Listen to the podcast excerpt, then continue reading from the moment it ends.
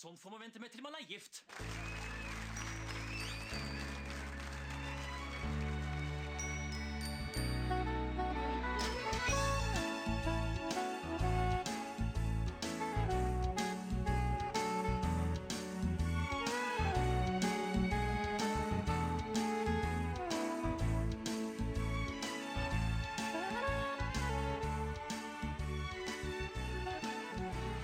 Hei, velkommen til en ny episode av Norsk film filmpodkast. Podkasten hvor vi ser norsk film med et kritisk, men kjærlig blikk. Mitt navn er Emil. Jeg sitter her som alltid med. Stefan heter jeg. Og den filmen som vi har sett i dag, det er jo en av de mest kontroversielle filmene vi har tatt for oss. Kanskje ikke kontroversiell sånn ute i den store verden, men kontroversiell internt i podkastredaksjonen. Ja, for det var, ikke du, det var jo du som foreslo denne filmen. Nei, jeg kan jo lette litt på sløret her da, og forklare at uh, den filmen som vi har sett i dag, altså Bør Børson jr., det er en film som Stefan har hatt lyst til å ta omtrent siden podkasten ble stifta. Og jeg har alltid sagt nei. Den varer tre timer, den er fra 70-tallet. Det er sikkert bare noe sånn gammel norsk drit. Og Stefan har insistert og insistert og insistert. Og til slutt, eh, nå forrige gang, så gikk jeg endelig med på det. Så da har vi sett filmen. Hva har du å si? eh? Nei, Jeg legger meg jo flat, forsvar. fordi dette var jo tidtrøyte. Men det er jo nettopp derfor jeg har tatt den. Fordi Bø Børson jr. Er jo, var jo en av de mest sette norske er faktisk en av de mest sette norske filmene gjennom tidene. Eh, nesten tre timer. Eh, to, jeg tror, ja, to timer og 50 minutter med Rolf Wesenlund i hovedrollen. Og Norges første musikal. Et lite wienerbrød fra Størens bakeri. Et lite wienerbrød får tankene på glid. I tangorytma blir det soleklart at fersken i død. Det er utrolig mye peng i ei kasse wienerbrød. En kartong halspastill, og pengene strømmer inn. En tønne spekesild gjør tegnebogen stinn. Nei, skal en slå seg opp som handelsmann, blir storkarpe og død. Ikke noe bedre enn å begynne med wienerbrød. Det finnes grammofonplate hvor fløtesmykk sjarmørene driver late. Som om det er lurt å være arm. Den sier at lykken, den ligger i det å være fattig som en tigger. At livet i armod har sjarm. Det er Norges første Det er. Norges første musikalfilm. Så det er jo på en måte før det var liksom Hair kom på banen, liksom, disse amerikanske, og så tenkte man i Norge at jo, vi må jo også lage musikal. for vi, får, vi tar da det trauste stykket av Johan Falkberget om Bør Børson og ser- lager låter til det her. Det er morsomt. Man ser liksom Hair, som er en ganske sånn frisk festival om hippiebevegelsen. Nå var det dette her må Norge på en eller annen måte svare på. Er det noen Johan Falkberget-stykker vi kan privatisere? Det kommer dessverre ikke på noen andre Johan Falkberget-stykker. Det er kanskje min mangel på liksom, kulturell dannelse. At jeg ikke kan komme på noen andre vi kan tulle med. Som kunne vært aktuelle. Ja, du har jo sånn Sound of Music, for eksempel, som har kanskje vært en litt sånn større inspirasjonskilde for denne. For den også har vel litt sånn landlig setting. Litt sånn siderumpa på en eller annen måte òg. At jeg må jo innrømme du vet ikke hva som er ditt forhold til musikaler, Stefan, men jeg, det er kanskje ikke min yndlingssjanger. Uh, ser du mye musikal, eller? Uh, nei, jeg gjør jo ikke det. Jeg har jo jeg, jeg, tror- har ikke sett Here, men jeg har sett Flashdance. Jeg har sett Grease.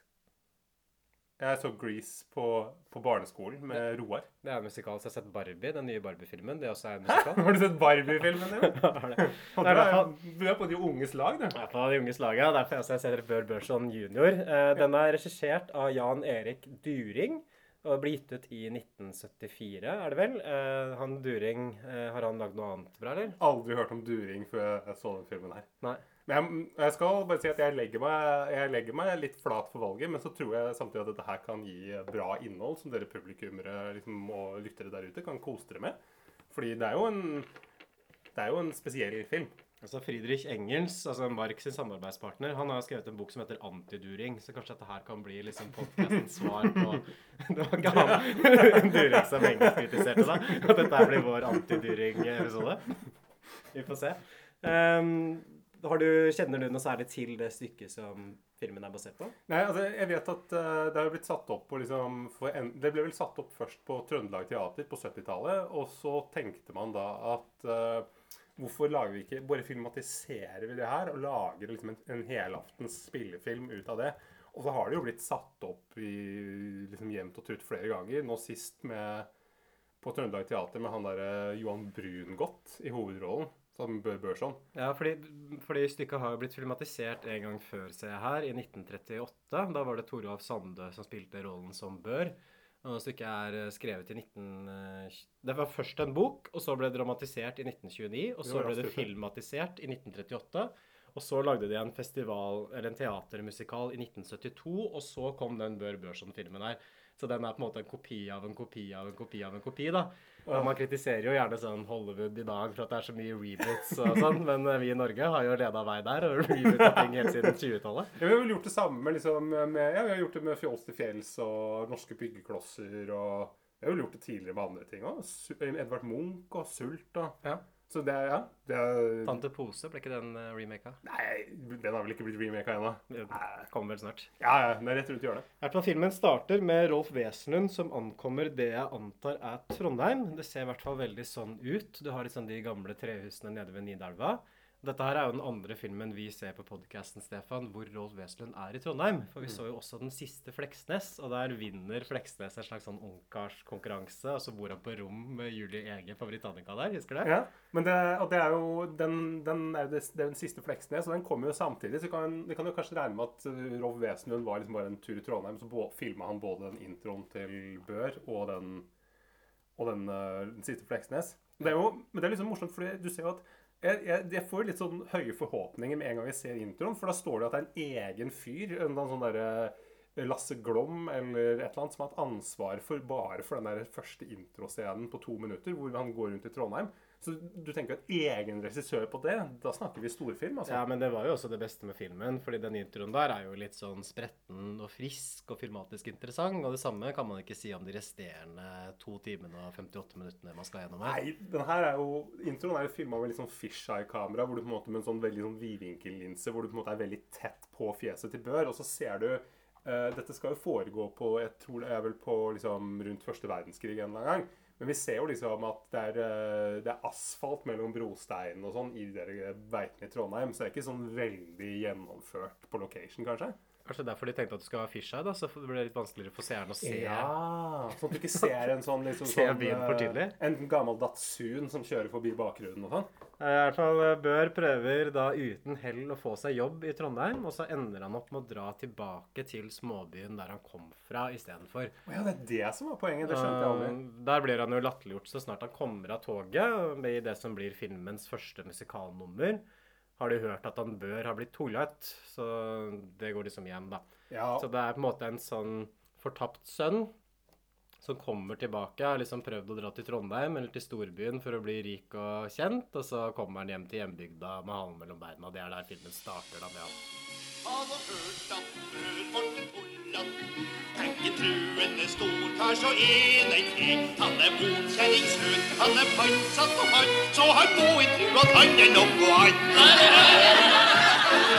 Har dere hørt at den bør vårt et Feil og older, han flirer seg mest enn i jern Han skal åpne opp en krabbe, det er lov å vil le han prater om parking Han ga han i fred, og så strøk etter banken der gammel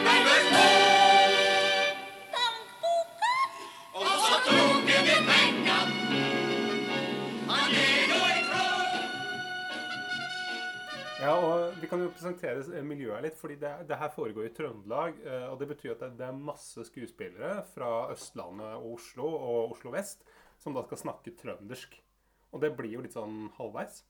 Hva syns du? Syns du diksjonen, syns du de snakker bra trønderdialekt? Mm, Ja, jeg syns Rolf Wesenlund sjøl får det jo til. og Samtidig så er jo det universet her såpass skrudd til og karikert, så jeg tenkte ikke så veldig mye på det. Kanskje jeg bare har blitt immun og har bodd så mange år i Trondheim at den trønderdialekta preller av seg vann på gåsa at jeg finner. Nei, men, det, men dette her høres jo litt sånn Det høres ut som sånn Singsaker-dialekt. Det er veldig sånn fintrønder, veldig sånn tilgjort trønder. Men vi har jo liksom flere karakterer. Vi har jo da Bør, som du har presentert. Og så har vi Gammelbør, som da er faren til Bør sånn. Som er en sånn fyr med sånn uh, jævlig mye snus i kjeften og sånn helt sånn svarte tenner. Ja, det er han med grått hår, ikke sant? Ja, han med grått hår, de er brillene i sånn snor og sånn. Og så um, og så er det en litt sånn, litt sånn bygdeoriginal som heter Olav Elveplassen. Som er spilt av Alv Malland. Eh, Ja, det er han arbeidsledige. ja, som, er, som er byens boms. Eller bygdas boms. vil jeg si. som eh, Det er masse forviklinger med han. da. Til slutt så blir han vel på en måte blir han jo ansatt av Bør. Um, og så er det Josefine. Som er liksom filmens love interest. Eh, blond. Forelska i Bør Børson av en eller annen merkelig grunn. Ja, for hvorfor? Hun virker jo liksom litt for god for eh, Bør, altså. må jeg Mm. si. Hun kommer fra byens, liksom, eller bygdas største gård. Og så har du filmens eh, skurk, da, i den grad filmen har noe skurk. Og det er han storbonden som driver på Torsøy. Ja, Men det er jo, det er jo faren til Josefine. Det er faren til Josefine. Ja, det er faren til Josefine! Hæ? Skjønte du ikke det? Jeg så en veldig sånn dårlig YouTube-ripp, og ganske dårlig lydkvalitet. I tillegg så spilte jeg også filmen i sånn halvannen hastighet. Nei, tuller du nå? Altså hele tiden, så det var ikke alle Du har ikke jeg tatt ditt, tatt ditt mandat. eh, Vi, må- vi skal se alle norske filmer, Emil. Ja, vi kan, men jeg kan se noen av dem i litt uh, høyere hastighet. Jeg skrudde ned hvis jeg tenkte at det var noen som kritisk hadde gått glipp av. Men akkurat, men det, men men men det må jeg si at jeg syns jo at det persongalleriet er ganske dårlig og tynt etablert. At det ja, kan være at jeg ikke har fulgt med, men jeg syns det burde komme sånn tydeligere fram de ulike relasjonene dem imellom. Hva syns du om Nils Torvold, da? Han er grei. Ja, det er jo kompisen til Bør, er det ikke det? En slags sånn barndomsvenn av han? Ja, han derre som, eh, som Som sprenger noe greier til slutt og sånn. Ja. Ikke Nå foregriper vi begivenhetene. Ja, men det, det- jeg synes at til filmens fordel er at den har jo ganske sånn gjenkjennelig premiss. liksom At man kommer tilbake til eh, byen eh, man har forlatt for å gjøre det bra, og så blir man liksom latterliggjort av gamle venner og familie. Litt sånn som hvis Samme- du hadde dratt tilbake til Hamar. for Jeg, jeg hadde jo samme opplevelsen da jeg flytta fra Trondheim til Oslo. Da lo alle vennene også av meg. Jeg hadde et sånt sangnummer med en gang jeg kom av toget. Har du hørt at Emil har blitt tullete? hvordan var den opplevelsen fra deg, for deg da du kom tilbake til Nesodden etter å ha vært i Trondheim og tatt master? Det var ganske tøft. Det var liksom Folk løp etter meg med sånne rare sånne vannmelsklær og lo av meg.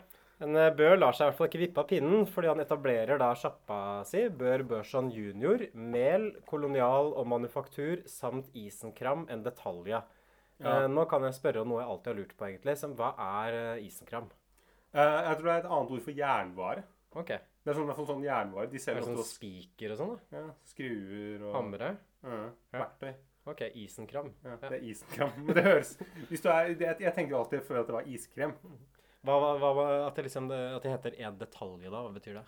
Jeg vet ikke, Kanskje de har, at de har mye rare småting? Man sier jo detaljhandel, men det er jo vanligvis sånn spesialiserte butikker, er det ikke det? Sånn som at du har liksom Hifi-klubben. Det er sånn detaljhandel, for de selger bare musikkutstyr. Ja, eller Power. Mens, ja, mens Rema detalj. 1000 er ikke detaljhandel, for der får du tak i alt, da. Ja. Til lave priser. Bare lave priser. Takk til våre sponsorer i Reitan-gruppa. Ja, hei. Det er, de beste, det er de beste i norsk dagligvarehandel. Eh, Vi får også en sånn sang fra Bør selv eh, ganske tidlig, og poenget i den er vel liksom det at Bør Børson representerer på et eller annet vis sånn moderniteten som skal røske opp i det tradisjonelle bygdesamfunnet han kommer fra. Eh, Bør Børson er på en måte litt sånn kapitalismen personifisert, føler jeg. Og filmen handler jo ganske mye om liksom konflikten da, som er mellom det tradisjonelle norske bondesamfunnet og den nye kjøpmannskapitalen, som er det Bør eh, representerer. Han har vært i Trondheim, han har sett hvordan de gjør det der, og nå skal han også ta med seg disse impulsene inn til bygda. Og Det er også ganske gjenkjennelig for meg, fordi jeg vokste jo først opp i Oslo, så flytta jeg til Hamar da jeg var omtrent ti år gammel.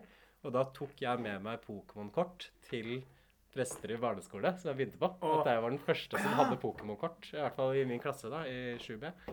Ja, jeg... Da, eller i B-klassa. Så jeg, jeg følte liksom at da kom jeg liksom en sånn storbygreie med Pokémon. Mm. Og liksom var først ute der. Og et par måneder seinere så hadde alle det. Ja, jeg var litt enda litt mer forutseende, for jeg har jo noe slekt nede i Nederland, så jeg kom med sånne, sånne små sånne poletter med Pokémon på, med sånne, du vet, sånn 3D-bilder på. Mhm. De kunne jeg bytte liksom, en sånn kunne jeg liksom, Nå kunne jeg få 15 glins for et sånt, for det hadde jeg det aldri sett før. De, Nei, men de var, de var, de, de var verdt masse, for de de hadde jeg aldri sett i Norge, og de kom jo aldri til Norge heller. fordi, det var, fordi det var falske kort som ikke var Nei, sertifisert. det var av sånne runde sånn, en Nintendo. Nei, nei, nei, nei, nei, nei. De var liksom på størrelse med liksom en, eh, en jævlig svær femøring. femøring. Så konflikten i første akt av filmen altså Filmen er jo delt opp i to akter. Det skjer ganske mye sånn innimellom her. Jeg vet ikke om du føler behov for å gå gjennom sånn bit for bit ja, i denne handlingen. Vi må jo, vi må jo, ta, vi må jo ta noen biter. Altså, selv om du vi har spolt gjennom i halvannen hastighet, så må vi jo fortsatt eh, gi lese, eller med lytterne som har på en måte ventet på Bør Børson, alle de unge lytterne som renner ned dørene våre for å høre Bør Børson. Men da sender jeg stafettpinnen over til deg, Stefan. Kan ikke Ja. du gjøre det? Eh, vi kan jo si litt først, for at Bør han har en sånn egen sosiolekt. Han sier jo han sier, han sier ikke 'god dagen, god dagen'. Han sier 'gud dagen, gud dagen'. Og eh, det handler iallfall om at man starter opp denne krambua. Eh, og han har en sånn, slags sånn åpningsfest. Hvor han da deler ut liksom, han deler ut da sigarer til halve bygda. Men ingen, ingen kjøper noen verdens ting. Det er bare han der storøyen som skal ha litt mel, og så forsvinner alle ut døra etterpå. Og Bør han, eh, han ser jo dette her som en sånn markedsføring, det å gi bort ting. Og det er liksom vanskelig å skjønne hvordan han greier å drive den butikken her. For det eneste vi ser, er at det bare gir bort Han gir bort drops, han gir bort uh, halspastiller, han gir bort hyssing. Han liksom gir bort Gi alt bort i butikken. wienerbrød. Han- er jo en litt sånn selvmotsigende type, han Bør Børson. For på denne siden så framstår han jo som veldig grisk og grådig, og liksom opptatt av det kommersielle. Men på andre siden så er han jo veldig økonomisk irrasjonell, da, sånn som du sier. Men jeg tror liksom det som er problemet hans, er han er også veldig opptatt av klasse og status. Så han ser først og fremst økonomien som et middel for å komme seg opp på den sosiale rangstigen. Så de folka som man skal drive og gi bort sånne sigarer til, er liksom folk som alltid er litt sånn over ham da, i Ja. hierarkiet. Som prøver å innynde seg hos dem, egentlig. Istedenfor å skjønne at den beste måten å innbegynne seg på, hadde vært å drive en god forretning og bygge opp respekt på den måten. Ja, Å selge varer til, liksom, til gode priser, men kvalitetsvarer, og gi god service. Mm. Uh, så han, eh, det, er liksom, det er noen scener her hvor uh, f.eks. frøken Finken, eller Finkel, eller noe sånt Ja, det var eldste av lista. ja? Ja. kommer innom og skal kjøpe noe Hva er det du skal kjøpe? Noe såpe? Det er ganske lite såpe du skal ha. Frøken Finkel. Høyst ærede frøken Finkel. Jaså, kjenner de meg? Ja da. Jeg er grossererkonsul Børbærson junior. Per Olderdal. Trivelig å se dere. Velkommen i butikken, frøken Finkel. Har de en riktig god gjønseb her, Børson? Vi har, vi har Og det er sånn spesiell god sort. den her. Se på den Nidaros-eben til hverdag og fest. Nidaros-eben er best. Se på den kvaliteten. Oh, oh. Mm, Dom-kvalitet. Hva, hva koster den, da? Skal man se, skal man se. Det blir efter mine kalkulikasjoner kroner 0,44 per brutto minus tara er lik netto. Men eh, siden det er Damses frøken Finkel, så kan jo eders få nei, eder, Eders. Siden det er eders, så kan jo eders få 5% på den. Takk. Pro anno. Takk, da skal jeg få et kvart kilo. Eh, kilo. Kilo. Kilo. Kilo er det samme som kilo, det. Ja, det er det, ja. ja. Jeg bare spøkte. Det er det. En har da sin handelsutdannelse. Ja. Skal man se, skal man se på forsøke å få emballeret varen på en forsvarlig måte. Et lite snøre er så godt å ha. Ja, men, det- det- det- Takk, det, det, det greier, greier seg, det. Alt for kundene. Ikke noe spare på, meg.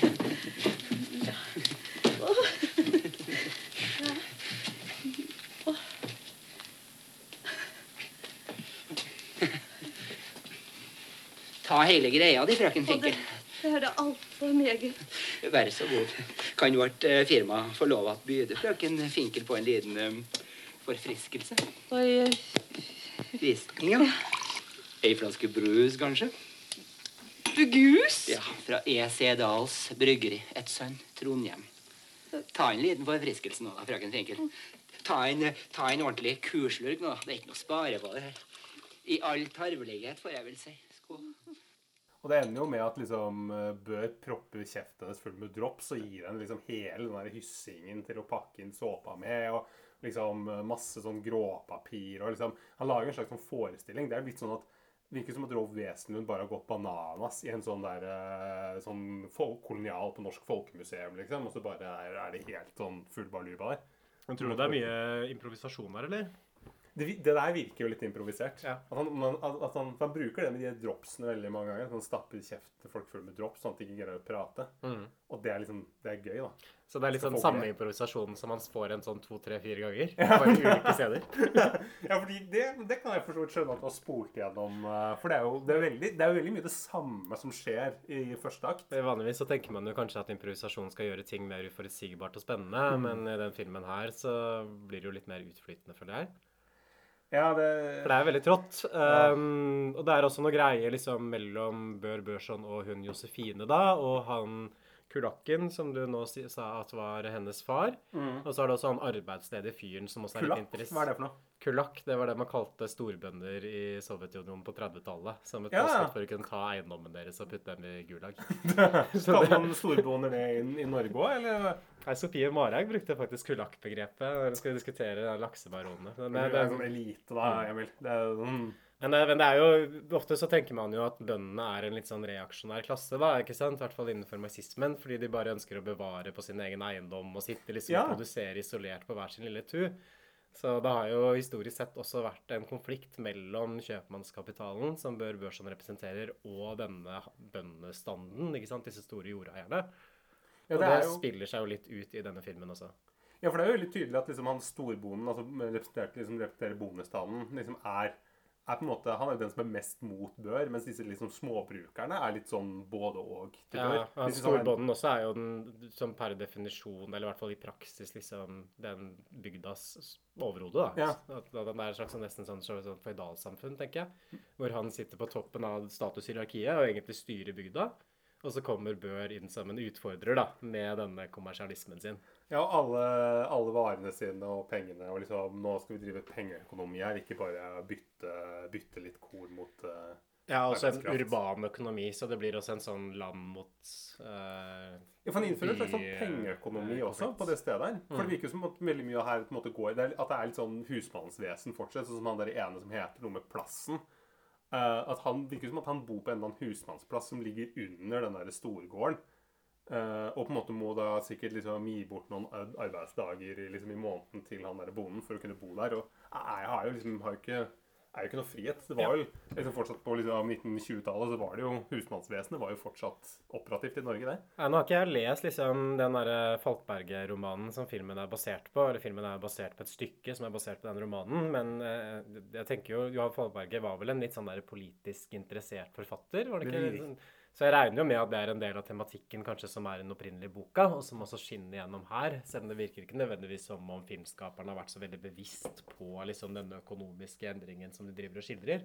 Men det er mulig å få øye på det bare liksom i persongalleriet, da, hva de ulike karakterene representerer, tenker jeg. Men det er jo litt sånn eh, Det er også typisk med liksom filmskapere av den generasjonen her. At det er litt sånn Det er jo folk som, som på en måte Som, som kanskje liksom representerer en av de mest historieløse generasjonene i Norge noensinne. Som måtte bare liksom tenker at vi, vi kvitter oss med alt gammelt, og vi måtte drite i historien. Nå skal vi bare liksom lage en sånn morofilm for å tjene mest mulig penger. Og så setter vi inn Rolf Wesenlund. Man har på en måte ikke vært så veldig interessert i å på en måte problematisere noen ting rundt, eh, rundt Nei, man kunne nok fått mer ut av det. Uh, Mm. Vi kan jo kanskje også si litt om filmens stil før vi går videre i Ja. handlingen her. Fordi jeg syns at filmen framstår sånn veldig TV-aktig. At det ser ut som en TV-serie. Uh, ser egentlig ut som en episode av Fleksnes, mesteparten av filmen. Det er jo den er filma i 4-3-format. At det er ganske sånn brun fargepalett gjennomgående. Eh, det duse farger. Det er litt sånn, det er litt sånn, sånn, sånn, eh, sånn leverpostei-filter liksom, filter over hele filmen. Nei, altså litt sånn naturalistisk lyssetting. At man har ikke forsøkt liksom å Å, naturalistisk! Ja, hvis du skjønner hva jeg mener. At ting, ting ser bare ut som det det er, da, liksom. Eller så, som det man det gjorde, eller som ting så ut på 70-tallet. La oss kalle en spade for en spade. Ja. Den er også ganske sånn teatralsk formspråk, fordi de fleste scenene er det ganske sånn lange tagninger hvor kameraet gjerne står stille, og så bare følger liksom panorerer etter de ulike karakterene. Og så står skuespillerne på ganske god avstand fra kamera, og så bare leverer dialogen sånn til hverandre. Så det er ikke sånn, der, sånn som man har i vanlig film, da, eller i, i god film, at man har liksom innklipp av reaksjoner osv. Det er liksom bare alt dette kameraet som står sånn på avstand, og så spiller scenen seg bare ut. Så det ser jo veldig ut som et filma teaterstykke. Altså, ja, for det. Man ser, man ser da alle skuespillerne nesten hele tiden. Ja. Og problemet er jo da når det er på en måte litt sånn grumsete kvalitet i tillegg, så er det jo ofte vanskelig å se ansiktsuttrykkene til skuespillerne. Men eh, jeg, jeg gikk jo inn for liksom å telle hvor lenge noen av de her klippene varte. Uh, og jeg kom jo opp i nesten to minutter på noe av dette her. Mm. Altså, jeg, jeg tror Det var flere ganger opp i sånn én time, eller liksom ett minutt og 50 sekunder. ish. Ja, og de fleste liksom, av de der sangnumrene også, det Ja, de er, er helt- det er bare en tegning av karakteren som gjerne står da midt i rommet og midt i bildet, og så bare synger mens de ser inn i kamera, og så skjer det ingenting. Sånn der, eh, gjerne så tenker man at poenget med musikal er at du kan ha litt sånn der fantasifulle sekvenser. Sånn som i Grease, for eksempel. I de musikalnumrene der så slår liksom filmen seg løs, at det blir litt sånn dansing, at det kanskje blir litt sånn eksperimentering med formspråket, for det representerer en eller annen fantasi. Ja, og kamera som snurrer rundt. Ja, ja, ja, ja ikke sant? Det bare leker seg litt da, Og ovenfra, og bildet ovenfra. Mens her er jo nesten sånn visuelt sett så er jo de sangnumrene de kjedeligste av alle sammen. Fordi det bare er en karakter som står helt stille og synger en sang. Akkurat som man skulle sett det på en scene. Um, jeg syns det der TV-aktige inntrykket forsterkes også at det er veldig mange scener som er inne i sjappa til Bør Børson. At det er sånn typisk at Ja. man får først en scene, så kommer noen folk inn. Og Bør Børson snakker med dem, og så går de folka ut. Og så kommer det noen andre inn, og så snakker han med dem. Og så får man sånn tre-fire scener da, som skjer bare liksom innenfor det samme rommet. Som igjen også blir veldig teateraktig. Ja, det, det kan jo funke i en liksom Hitchcock-film som sånn Rare Window, for eksempel, hvor det bare handler om en karakter som bare sitter og ser ut på en bakgård, ikke sant? Ja, hvor det er premisset i filmen. At det skal bare kun være inne i et rom. Ja, og det, eh, det er jo greit, for det er ganske spennende kulisser og sånn, og det er på en måte gode skuespillere og liksom interessant driv i handlingen, men her er det som du sier, det er bare, det er bare de samme, det virker som at bare de samme scenene gjentar seg og gjentar seg.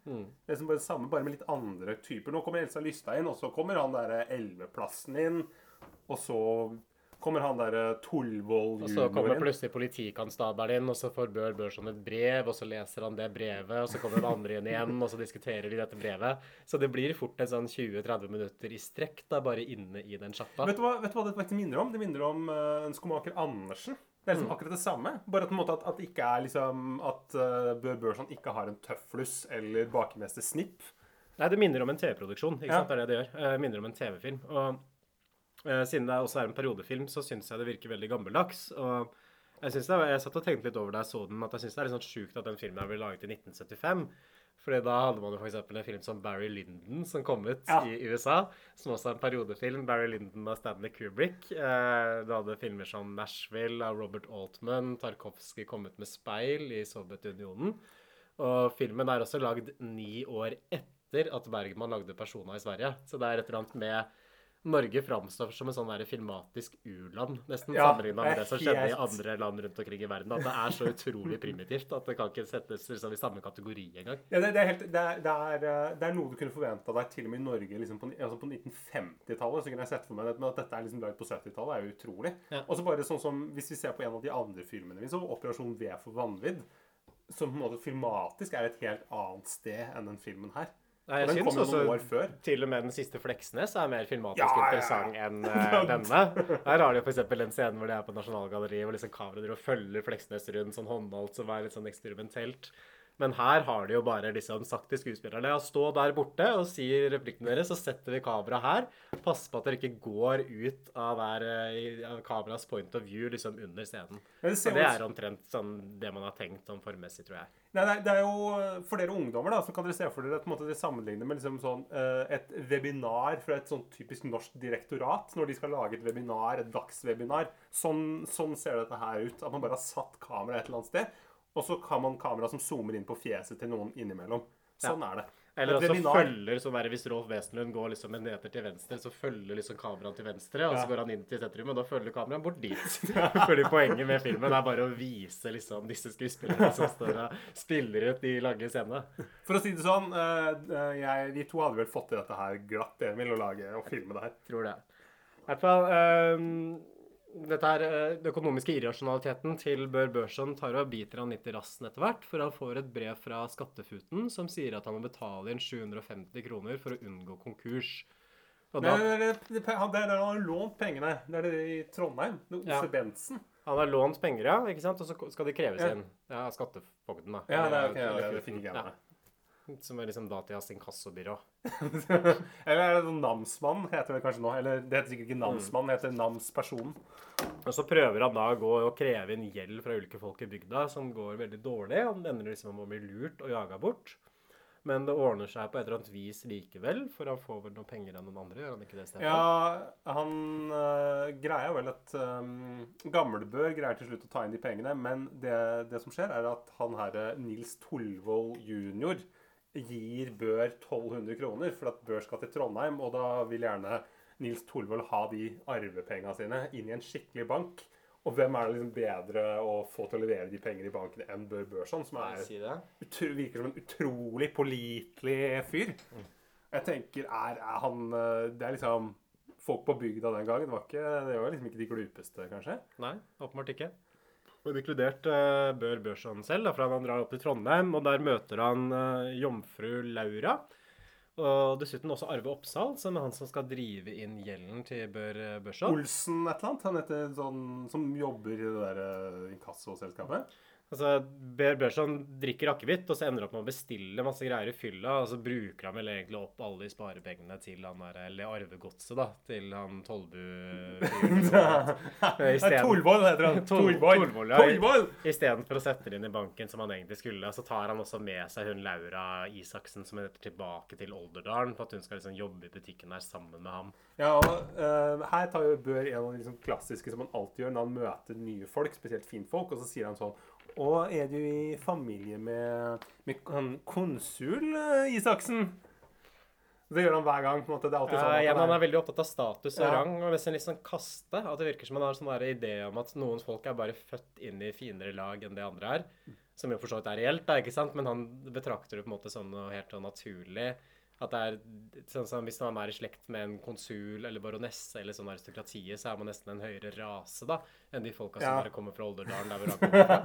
og da vil han ha dem eh, og da vil han ha dem inn i butikken sin. Og så er jo problemet med Bør er jo at han er på en måte såpass tett i pappen liksom, at han skjønner jo ikke liksom Han greier jo ikke å se forskjellen. liksom. Så han så hun her er jo vel en eller annen slags sånn prostituert eller noe sånt i Trondheim. Ja, glorifisert prostituert, ja. ja litt sånn luksusprostituert. Jeg tror jo det, Den tittelen, liksom 'Jomfru Laura', det tror jeg skal være ironisk. At hun Hun framstår ikke så veldig jomfruelig for meg, i hvert fall. Så Nei, men hun du greier å lure- på BH-en og ja. Men hun greier jo å lure Bør. Tenker vel at det måtte bedre være butikkjomfru liksom, i, uh, i Runkedalen enn det er liksom være å jobbe Mm. som sånn uh, eh, selskapsdame liksom, i Trondheim. Og så kommer igjen igjen da, til Olderdalen, og da skjer det litt mer. Men det viktige som skjer, er at det blir et sånn slagsmål i sjappa. Eh, av pengeproblemene til han Tollvoll, og politiet kommer inn. Og jeg fikk ikke helt med meg hva, akkurat hva som sto på spill, men i hvert fall slåss det gjør de. Og så vræker liksom hele sjappa, så det blir bare et wienerbrød igjen, og der slutter akt én. Ja, med denne klassiske sangen 'Et lite wienerbrød' fra Størns bakeri. Ja. Som er liksom en av den mest kjente låta fra den, eh, det skuespillet her. Og fordi de, dere- de av lytterne som lurer nå, nå har vi gått gjennom halvannen time film. Så dette her, liksom den handlingen som vi har lagt fram nå, det like mye Det tar like mye spilletid som det det gjør som en vanlig spillefilm. Ja, og det er, og Det, går er- trått, altså. Men det er, det er masse små småting som skjer underveis. Blant annet han derre Elveplassen, som er en rass, finner lommeboka til Bør Børson. Det er jo bare for å fylle tid. Jeg skjønner ikke hvorfor Jeg, jeg, kommer aldri til å forstå hvorfor den filmen er såpass lang som det den er. Hvorfor trenger man det med den lommeboka? Nei, men det er jo, det er jo altså Den, den lommeboka er jo liksom poenget, for da, da blir jo Bør enda fattigere enn han er. Men jeg, jeg, ja, jeg skjønner heller ikke helt hvorfor det er med. Det holder jo det at han bare gir bort alt. At det er jo god nok forklaring liksom, på det at han er så rakafant. Ja, men, men det er det som er poenget, at det, at det går jo tydeligvis ganske greit. For han har jo solgt til liksom for eh, 500 kroner til veldig mange folk i bygda. Men vi ser jo aldri de scenene hvor han selger noe. Jeg ville kanskje hatt noen sånne scener innimellom hvor det er fullt stinn brakke i butikken, og folk kommer og kjøper liksom såpe og dopapir og sånn. Så vil jeg hatt flere scener i butikken. Det det jeg vil ikke det, men det kan ikke være noe Kanskje istedenfor det vi har. Men det er veldig rart at det aldri er noen kunder når Elsa Lystad kommer, eller når eh, Torvold kommer, eller han der Elveplassen kommer. Det er alltid tomt i butikken. Men han selger jo åpenbart. Men det skjer jo når vi ikke er der. Når kameraet ikke er til stede, så selger han åpenbart masse. Det hadde vært det er jo veldig snodig. Ja, men det er liksom På starten av akt to også, så har jo virkelig fått uh, dreisen på sakene. Ja. For da har jo Bør Børson og Laura pussa opp hele butikken. Og så har de også etablert en veldig sånn komplisert administrasjonsstruktur. Fordi Bør Børson sitter liksom i overadministrasjonen i andre etasje av butikken. Og så kommuniserer han med de andre ansatte gjennom et slags sånn rørsystem. Og han, roper til liksom sånne lange som på en måte går Litt sånn som når barn lager sånne har to blikkbokser og et snøre Ja. liksom imellom. Litt sånn type, bare veldig avansert, da. Ja, altså Alle arbeiderne i sjappa står også liksom atskilte avdelinger med skilt med titlene sine over. Så Laura Isaksen er f.eks. butikkjomfru. Og det står liksom over plassen hennes, og der skal hun stå liksom og løse sine oppgaver. Så det er en veldig sånn streng arbeidsdeling som kanskje ikke framstår så veldig effektivt for meg. Men de har i hvert fall klart og Det virker jo på en måte som at de har lyktes veldig godt med denne butikken her, tross alt. Av en eller annen merkelig grunn. Så det er vanskelig å si sånn hvor smart er Bør Børson egentlig? Hvor vellykket er han? På den siden, Han framstår jo som en idiot og blir jo utnytta av veldig mange i løpet av filmen, men han klarer jo liksom å drive business òg, da. Men det er jo litt som å drive matvarebutikk i Norge, liksom. At det, på en måte er, det er ikke så mange kjeder å konkurrere mot. Så det, liksom, det er jo så du må jo gå og handle et eller annet sted. Så det er liksom, Her er det sikkert bare den butikken. da. Så det, da er det lett å drive. Eller du måtte ha en eller annen sånn eh, liten sånn Lime-butikk ved siden av. Og selvfølgelig så tar jo bare Rema 1000 og bare kjøper opp den. og... For han snakker jo også om eh, eh, at han har liksom drevet andre konkurrenter ut fra markedet, f.eks. At Ja. han eh, liksom lyktes med å bygge seg opp gjennom litt sånn her modernisering og imagebygging. Og det som videre skjer, er at eh, Bør Børson inviterer til en sånn fest til ære for butikken, hvor det også kommer fram at han har blitt utnevnt til bankdirektør i Olderdalen Sparebank.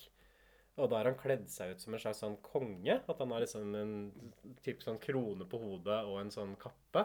Og så holder han en veldig pompøs tale til innbyggerne i bygda, da, nesten som liksom Napoleon som skal prøve å mobilisere den franske nasjonen til å gå ut i krig. Ja, Han føler seg veldig, da, ikke sant, av dette vervet som han har fått, at det er så viktig og fjongt. Han sier sånn Vi tenker stort og ikke smått, f.eks. Det er liksom Ja. en av linjene. Og så måte blir det stille, og så klapper alle. Mm. Og på en måte sånn går det hver gang. Og så er det en som er eh, Politimannen han er eh, toastmester, og så leker de en eller annen sånn gjemsel hvor, hvor alle mennene skal prøve liksom å finne damen ute i skogen. Som på en måte er en eh, Det er på en måte Det er vel en sånn slags sånn eh, hønse...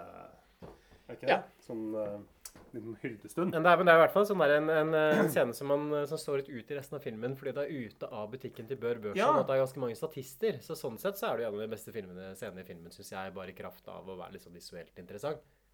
Ja, eh, jeg, jeg synes det var, For meg var det høydepunktet til nå, Mm. faktisk. Her har det liksom samla sammen sånn 30-40 folk, da, så er det også litt komisk i den, scenen, i den talen som Bør Børson holder liksom, til folk òg. Ja, det, eh, Der er jo Rolf Wesenlund veldig god men det er liksom, en måte å få sånne floskler til å høres eh, Høres liksom Ja, det høres realistisk ut. Det er noe en næringslivsleder f.eks. i Norsk Hydro eller Aker Solutions kunne sagt. En del av de tingene her. Ja, det peker kanskje litt fram på en ting som Eller fram mot som en ting som ikke var så veldig framtredende på 70-tallet, tror jeg egentlig, men som har kommet noe veldig sånn utover 80- og 90-tallet, som er den derre selvgodheten som veldig Ja. mange sånn CEOs og bedriftsledere har. At de er bare ikke liksom Det er ikke bare det at liksom de driver en eller annen forretning, men de ser nesten på seg sjøl som en sånn type kultleder, omtrent. Sånn som med Elon Musk og Jeff Bezos liksom i Amazon. At bedriften altså skal stå for et eller annet sånt etos, en eller annen sånn livsfilosofi som de ansatte skal gå rundt og tro på. Eller Jon Fredrik Baksås i Telenor. Nei, istedenfor å bare produsere et eller annet produkt da, ikke sant, som folk trenger. Så det Ja, der er jo kanskje filmen inne på noe. Eh, det ender med at når festen blir eh, tent på, at det er han der arbeidsledige ranglefanten som eh, har Han Nils Thorvold jr. Ja, som har litt sånn agg, tydeligvis, mot liksom Bør Børson og Hvorfor har han det? Jeg skjønner ikke det. Nei, han liker vel ikke rike folk, sånn generelt. Nei, Kanskje han bare klikka fra? Og at filmen trenger at den påtegningen skjer, at noen må gjøre det, og da blir det på en måte han som får ansvaret. Men det går bra, fordi Bør Børson har nemlig forsikra festen for en halv million. Ja, ja, ja eller, men det, er, butikken som brenner, ikke festen. Ja, ok. Så han, han har forsikret butikken for en halv million, selv om den er jo ikke verdt en halv million. Så det er, måte, det er jo bare det er jo, eh, Han gjør det jo bare i fylla i Trondheim der, når han der Olsen kommer forbi. Han prokurist Olsen. Så det er, det er jo helt tilfeldig. Ja, så, men han blir i hvert fall en rik mann da, ikke sant, på Mm. den der ildpåsettelsen. Og så drar han da til Oslo, eh, er det vel? Det Ja. han drar til nå. Da som en skikkelig riking og krøsus. Ja, Og nå er begynner liksom den siste, den siste avsluttende delen av filmen for alvor, da. Ja, og her synes jeg Det her er jo høydepunktet i filmen. Det er jo dette som er gøy. Fordi uh, eh, her er liksom Her har vi liksom flust med liksom, ganske, med liksom store skuespillere som gjør ganske liksom helt greie Til og med gode roller, vil jeg si. Og Wenche Foss, for eksempel. Ja, Wenche Foss. Hvem eh, andre? Uh, Harald Heide Steen, som han fotografen i begynnelsen. Mm. Og mine favoritter, da, som er aksjemeglerne Solen og Månen. Ok, ja. Mm. Spilt Hva, er det, hva er det med dem? Det er, jo, eh, det, er jo, det er jo de beste karakterene. Og vi- de tar og klipper inn litt her eh, av solen og månen. God dag. Vi fikk beskjed om å gå rett opp. Ja, men da er det jo aksjemeglerne. Ivar Solen. Elias Mann. Hvor trivelig å se dere. Hjertelig velkommen. Trivelig å se dere. Vær så god og sleng ræv. Om herrene foretrekker at nedsittes. Takk. Hør, vi tok med de aksjene de var interessert i. Det var 500 glena, ikke sant? Hvis de vil være vennlige å undertegne der. Ja, takk. Det er på eh, prikklinja, det er Nemlig. Nemlig. -hmm. Så det Takk. De gjør nok litt av et kupp der, Børson. Kupp? Morsomt. Var det, var, var det, det, sånn? Må jo feires, det kuppet, da. Forblir vi rolig sittende nå, så stikker jeg ut etter sjampis til sola. Altfor elskverdig, generaldirektør.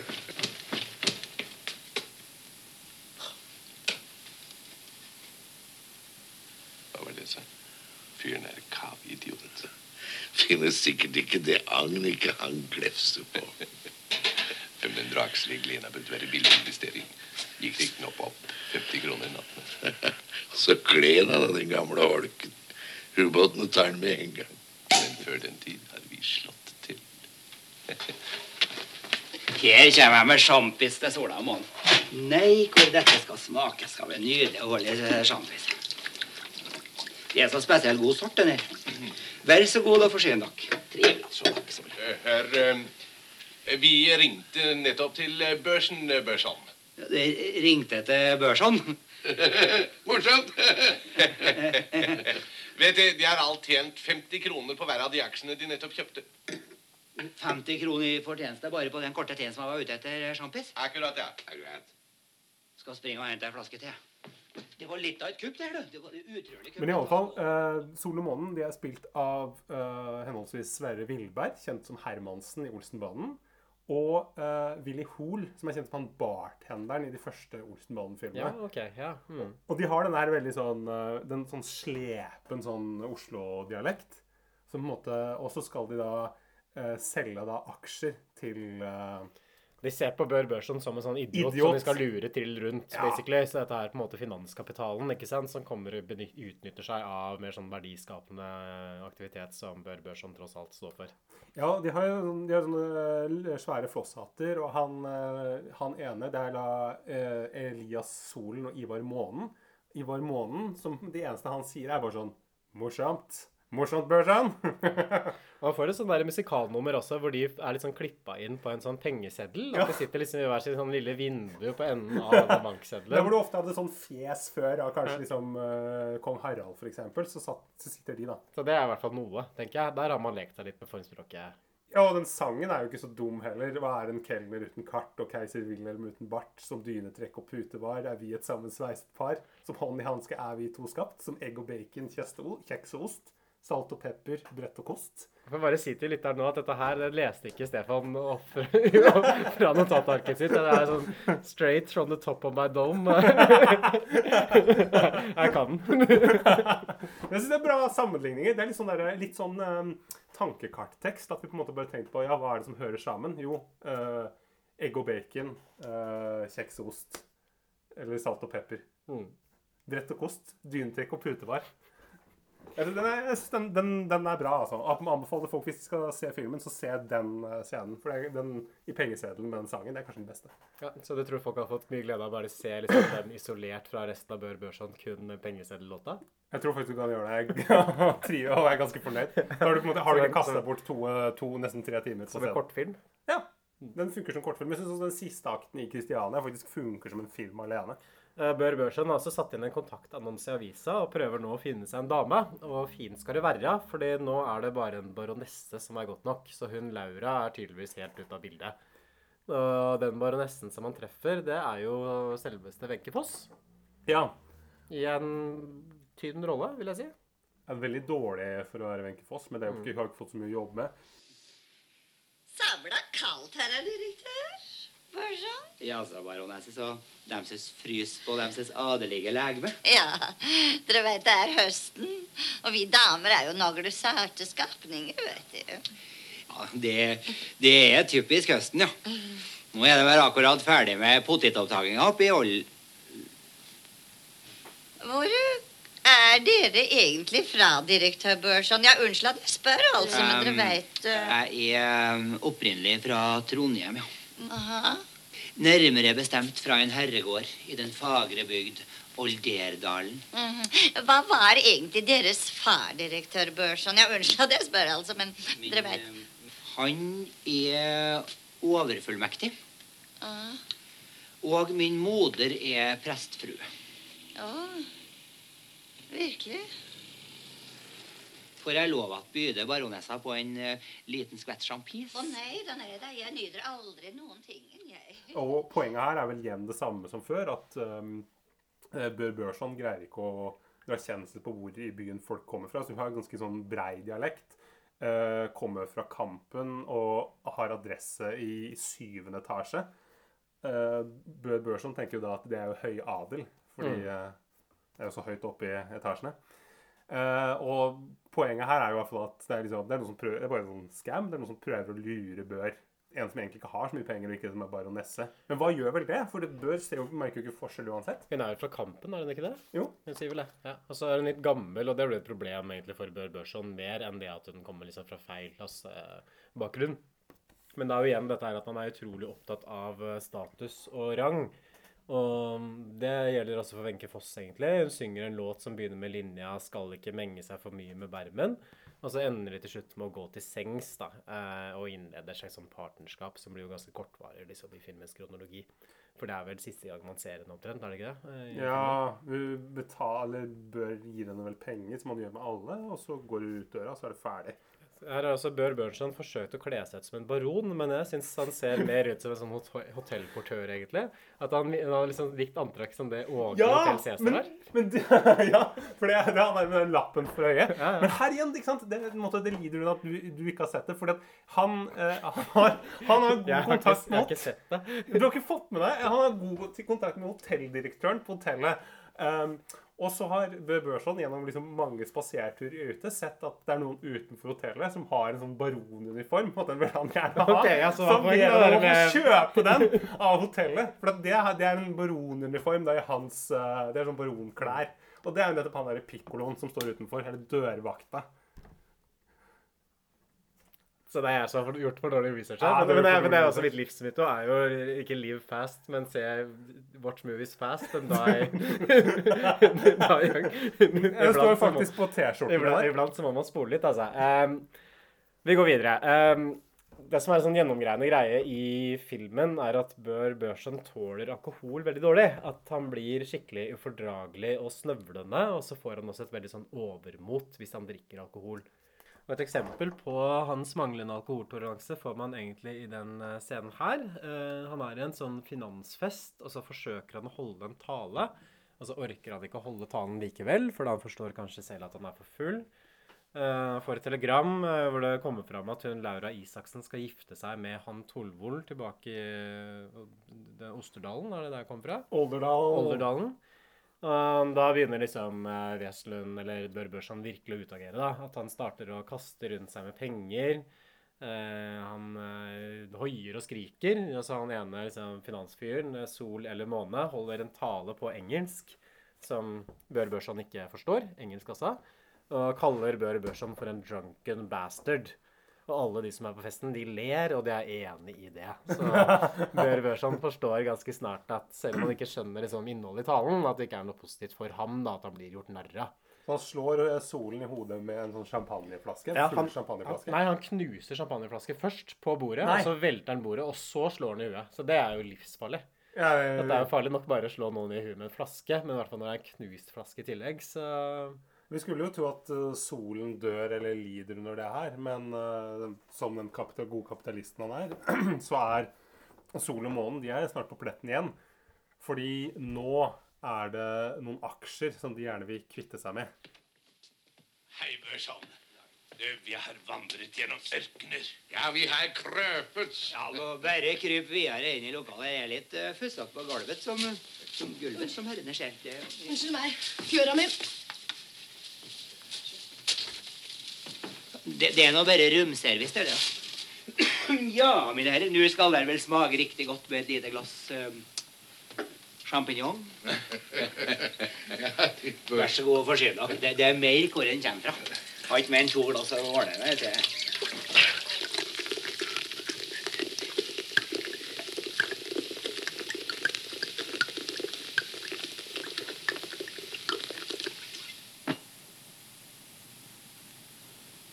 Du, Ivar.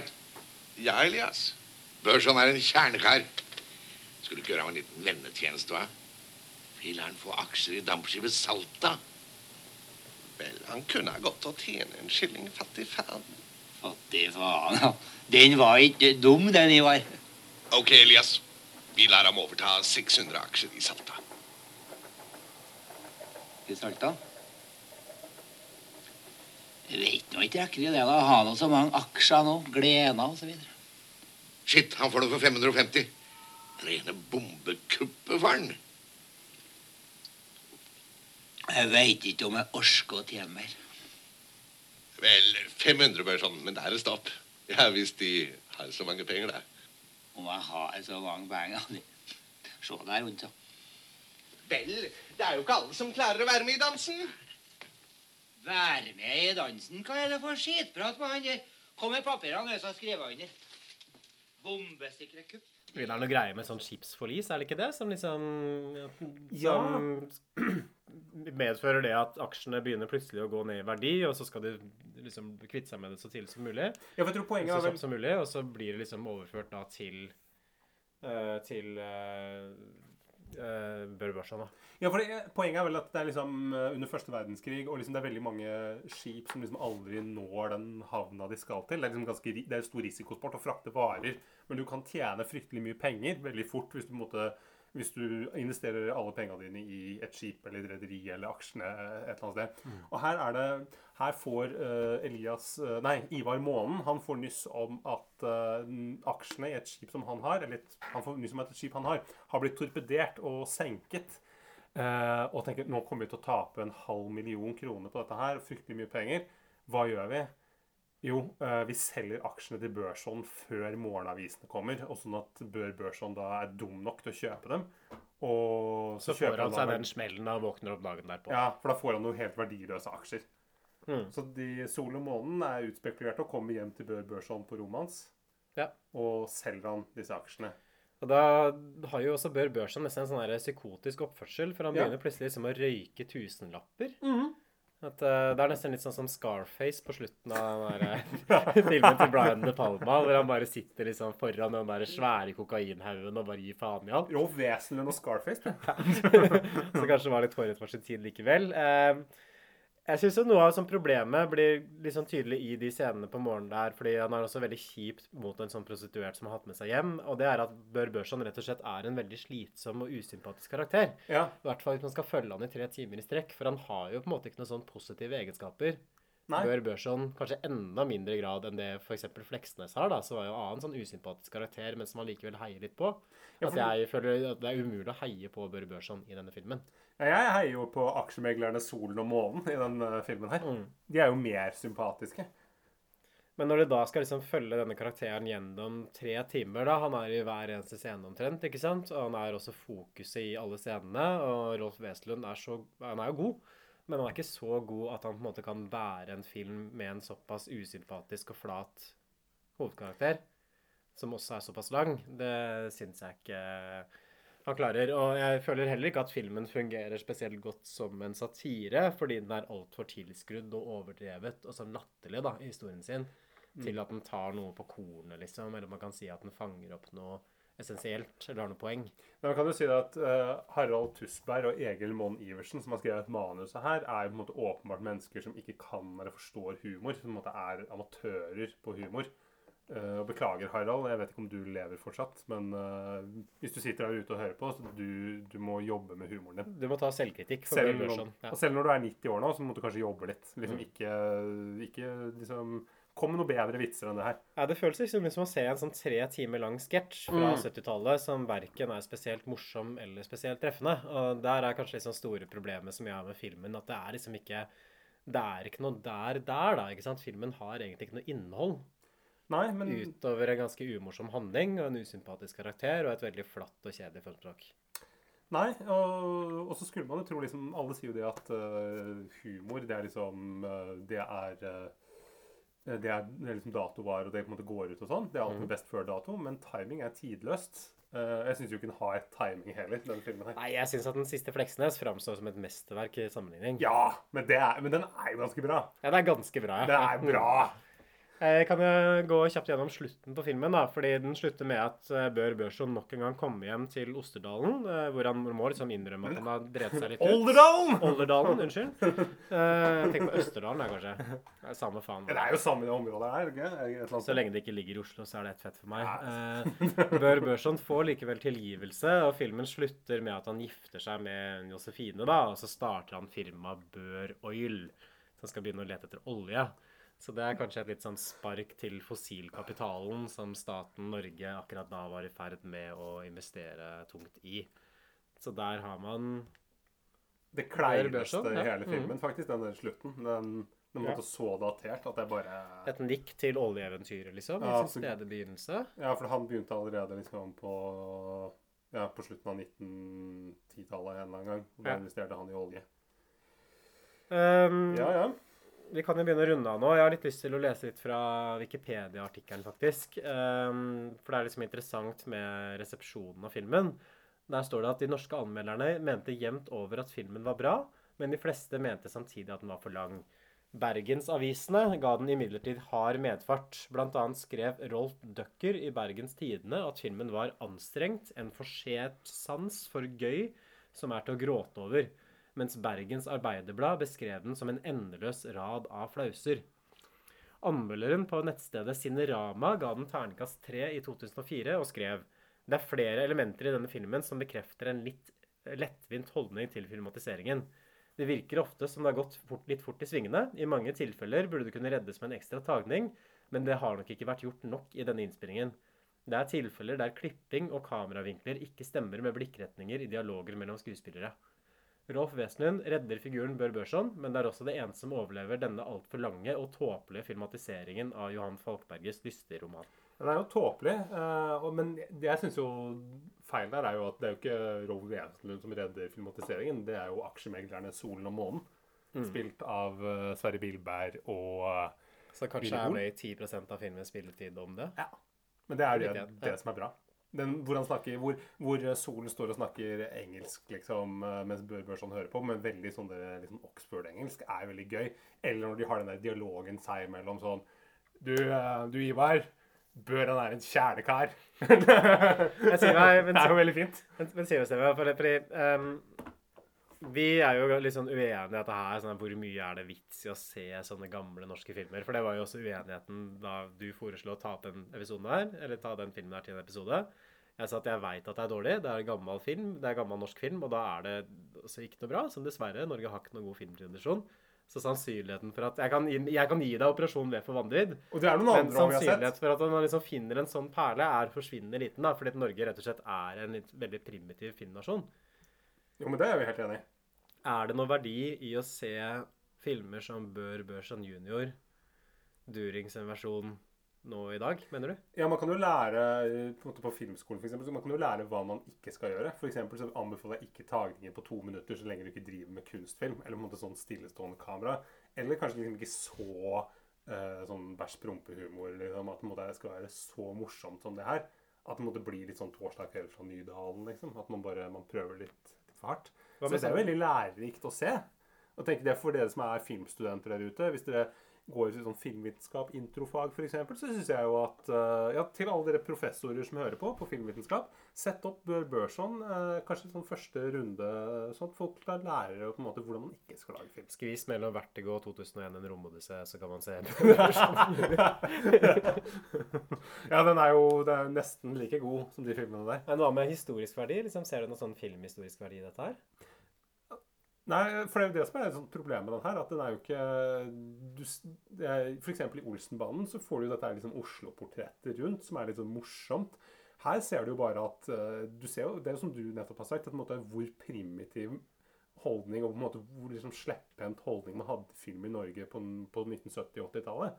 At man på en måte ikke ser det som en kunstform, man bare ser det som en sånn eh, Nei, ok, vi har et teaterstykke som har gått veldig bra. Hvorfor ikke bare filmatisere det og gjøre en film? Ja, hvorfor, eller ikke, bare, ikke engang filmatisere. Hvorfor, Nei, ikke, bare, hvorfor ikke bare filme det? Ja. Liksom, at skuespillere spiller ut det teaterstykket, som er basically det de Det var jo sånn sånn fedre gjorde på 90-tallet. at De tok med kamera og liksom filma podens eh, liksom julespill og tenkte at det er gøy underholdning. Det syns familien er morsomt å se på etterpå. Svaret er jo at det er ingen som syns det er noe gøy å se på. Og sånn er det med den filmen her òg. Da skal vi begynne å gå inn for landing, da. Så Cinerama ga terningkast tre. Uh, hva slags terningkast skal vi sette? Hvis du Ja. er klar, eller hvis du ikke har noe mer å si, Stefan? Jeg, synes, jeg gleder meg til å høre hva du vil si. Hva, hva setter du i terningkast? Jeg syns kanskje én blir litt vel strengt, så jeg får nok uh, gå for en toer, tror jeg. Uh, den har jo noen morsomme replikker, og den er liksom filmhistorisk interessant. At det føles litt vel avvisende å bare skulle liksom sette en ener på det som tross alt er en av de mest eh, innbringende filmene i norske historien. Ja, Veldig godt sett. Nesten Og- over en million, sånn sånn på kino. Du kan ikke si at én million av norske folk er dumme. Eh, jeg syns også Rolf Wesenlund gjør en god rolle, så nei, jeg ender opp på en toer, jeg. Hva med deg? Uh, nei, det var akkurat det jeg tenkte òg. To. Men jeg, hvis jeg skal gi Jeg vil gjerne gi aktene forskjellige karakterer. Jeg gir akt én, den der siderumpa hvor han bare er inne i butikken. Den gir jeg terningkast én. Og så gir jeg den i Kristiania. Den gir jeg nok en solid treer, for det syns jeg kan være veldig gøy. Da blir det to i snitt. Ja, så det, det er greit. Men uh, hvis noen skal se noe, se akt to hvordan er eh, er i Kristiania, for det er faktisk ganske morsomt. Har du tenkt at vi skal se Bør Børson 2 også, eller? Som kom i 1976? Ja, for Den har jeg aldri sett. og Den har jeg alltid gledet meg til å se. Det er bare, Hvor mange var det som så den på kino? Det er 85 000. eh, Oi, det var så dårlig. den er mindre vellykka. Heldigvis så varer den bare 1 time og 40 minutter. Så Mm. Jeg tenker at vi kan ha en sånn der eh, lytterunderskriftskampanje. At hvis vi får 10 000 underskrifter, så lover jeg at jeg skal bli med på å se Bør Børson 2. Ja, men det burde jo ikke være noe problem, det. Det er bare å bare finne fram eh, penn og papir. Det er papir. bare å ta en liten promille, det, er vår lytterskare som bare er interessert i det. Jeg tror vi sier 100 000 er bare for å være helt på den sikre siden. ja. Så slipper du å se den. Ha det. Ha det. Takk for oss.